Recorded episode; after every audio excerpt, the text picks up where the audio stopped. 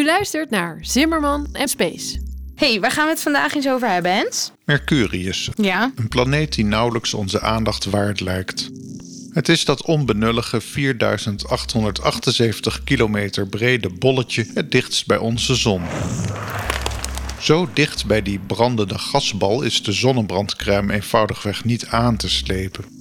Bovendien, met nauwelijks een atmosfeer en op die afstand van de zon, wordt het op Mercurius aan de dagzijde 430 graden Celsius en aan de nachtzijde min 180 graden Celsius. Geen atmosfeer om over te spreken, te warm of te koud, te dicht bij de zon. Naar Mercurius kunnen we niet verhuizen en we gaan er ook geen leven vinden waarschijnlijk, zouden we kunnen denken. Hmm, dat weet ik nog niet zo zeker. Toch herbergt dit kleine planeetje nog een hoop raadsels. Anders zou ik er natuurlijk ook niet over beginnen in deze podcast. Over ongeveer twee jaar, in december 2025, hopen de Japanse en Europese ruimtevaartorganisaties JAXA en ESA dat het ruimtevaartuig Bepi Colombo in een baan rond Mercurius gaat draaien. Wellicht kan deze aflevering van Zimmerman en Space enigszins dienen als voorbereiding daarop. La propulsion est nominale, la trajectoire est nominale. roar of her engines, a lot of fire, and with Bepi Colombo on board, the DDO says all is well. Het Bepi Colombo ruimtevaartuig is al enige tijd onderweg naar Mercurius, maar moet nog afremmen aan diezelfde planeet door middel van een gravity assist om min of meer gratis baansnelheid te verliezen. Maar goed, we zeiden dat er raadsels bestaan voor wat betreft planeet Mercurius. Veel van deze raadsels hebben te maken met de geologie en evolutie van Mercurius.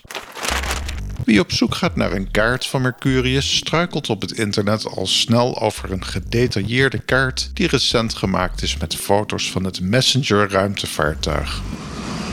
Een vluchtige blik op deze kaart doet vermoeden dat de volgende landingsbaan van Schiphol op Mercurius wordt aangelegd, maar dat is een artefact van de wijze waarop deze foto is samengesteld.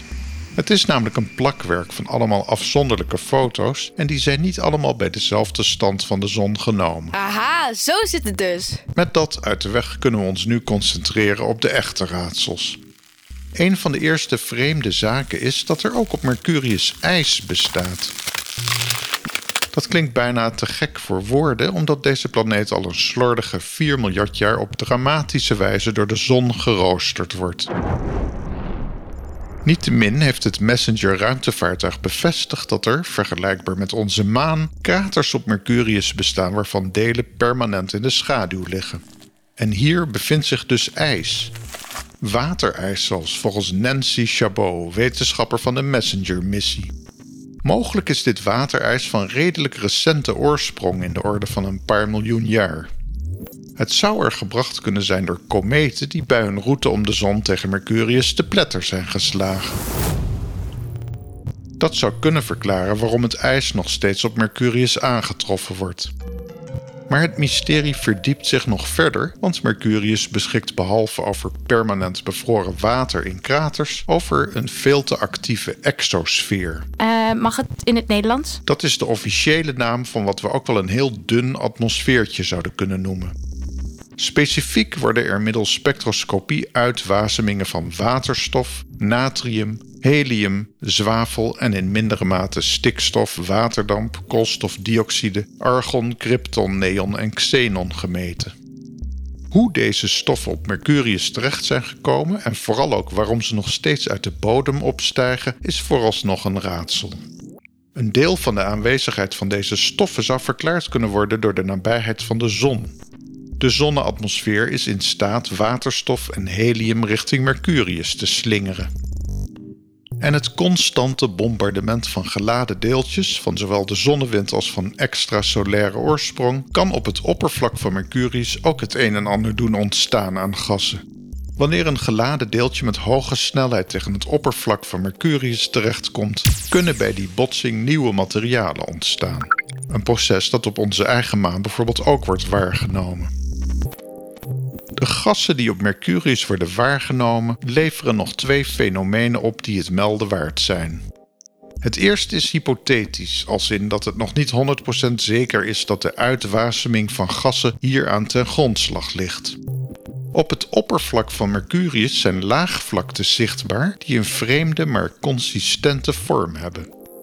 Een en ander begint met een donkere verzakking over een groot oppervlak waaromheen een heldere halo ontstaat. De verzakkingen kennen een glad oppervlak en zijn geologisch recent. Vandaar ook dat astronomen er rekening mee houden dat de uitwaseming van gassen ermee te maken zou kunnen hebben. De heldere halo's rond de verzakkingen hebben een steile rand en bestaan hoogstwaarschijnlijk uit materiaal dat is omhoog gewerkt uit de bodem. Op een gegeven moment verdwijnen de verzakkingen weer enigszins. De heldere halo's verduisteren weer en de laagvlaktes worden door inslagkraters van meteorieten en micrometeorieten weer aan het oog onttrokken. Door naar foto's te kijken kan geconcludeerd worden dat de verzakkingen geologisch recent zijn, omdat ze in verschillende stadia worden aangetroffen. Oh ja, inderdaad. De jongste verzakkingen zijn dan niet of nauwelijks bezaaid met kraters. Ja, dat is logisch. De beste foto's tot nu toe zijn tussen 2011 en 2015 genomen met het Messenger ruimtevaartuig. Het tweede fenomeen dat bij Mercurius wordt waargenomen is dat deze planeet een van de zon afgerichte gasstaart heeft. Deze staart bestaat voornamelijk uit natriumgas en heeft een lengte van zo'n 24 miljoen kilometer. Dat is geen kinderachtige lengte, want daarmee zijn we al een kwart van de afstand van planeet Venus tot de zon verwijderd. Planeet Mercurius lijkt met deze staart enigszins op een komeet. Net als bij een komeet is de staart van de zon afgericht en worden de natriumdeeltjes ook door de zonnewind weggeblazen van Mercurius af het zonnestelsel in. Deze staart werd al voorspeld in de jaren 80 van de vorige eeuw, maar is inmiddels fotografisch waargenomen vanaf de aarde. In de show notes van deze aflevering vindt u een link naar een foto waarop de staart goed zichtbaar is. De staart wordt op aarde alleen fotografisch zichtbaar door lang te belichten en filters te gebruiken. Maar de planeet zelf, Mercurius, is met het naakte oog regelmatig goed en ook gemakkelijk waar te nemen. Net zoals het geval is bij planeet Venus, hebben we, afhankelijk van waar Mercurius op een bepaald moment en vanuit ons gezien ten opzichte van de zon staat, de kans deze planeet te zien rond zonsopkomst of juist zonsondergang. Net zoals het geval is bij planeet Venus, hebben we, afhankelijk van waar Mercurius op een bepaald moment en vanuit ons gezien ten opzichte van de zon staat, de kans deze planeet te zien rond zonsopkomst of juist zonsondergang. De reden hiervoor is heel eenvoudig. Mercurius en Venus zijn binnenplaneten. Dat wil zeggen dat ze dichter bij de zon draaien dan onze aarde. En dat betekent ook dat ze nooit erg ver van de zon verwijderd kunnen staan aan onze hemel. Van half september tot begin oktober van dit jaar 2023 kunt u Mercurius in de ochtendschemering ontdekken. Planeet Venus is de rest van dit jaar ook een ochtendobject. Dus als u een keer op een heldere ochtend wakker bent voordat de zon opkomt, kunt u proberen zowel Mercurius als Venus waar te nemen. Vergeleken met reguliere sterren zijn deze twee binnenplaneten tamelijk helder. En als u dan toch met uw ochtendkoffie in de hand oog in oog staat met planeet Mercurius, dat niet knipperende object boven de oostelijke horizon, dan vraagt u zich wellicht af hoe het zou zijn om op het oppervlak van Mercurius rond te lopen. In gedachten kunnen we er natuurlijk wel even naartoe gaan.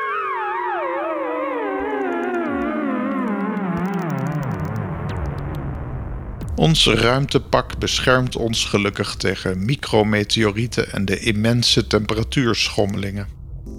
Zuurstof hebben we zelf meegenomen omdat de exosfeer van Mercurius een veel te lage luchtdruk heeft en niet de juiste mengverhouding gassen bevat om te kunnen ademen.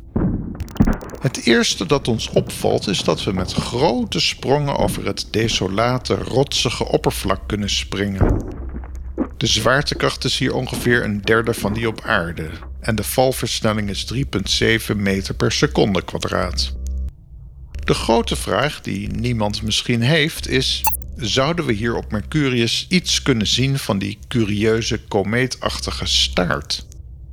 Volgens Ron Verveck, planeetonderzoeker aan de John Hopkins Universiteit in de Verenigde Staten, zou het kunnen lukken als we rond middernacht naar de horizon zouden kijken hier op Mercurius. Middernacht op Mercurius vergt trouwens wel wat geduld. Als u op aarde al wel eens denkt dat er geen eind lijkt te komen aan de dag, op Mercurius is dat nog veel tergender. Een Mercuriusjaar duurt zoals we zeiden maar 88 aardse dagen, maar een Mercuriusdag duurt maar liefst 176 aardse dagen. Dat is voor de goede orde de tijd tussen twee zonsopkomsten, wat we ook wel de synodische dag noemen.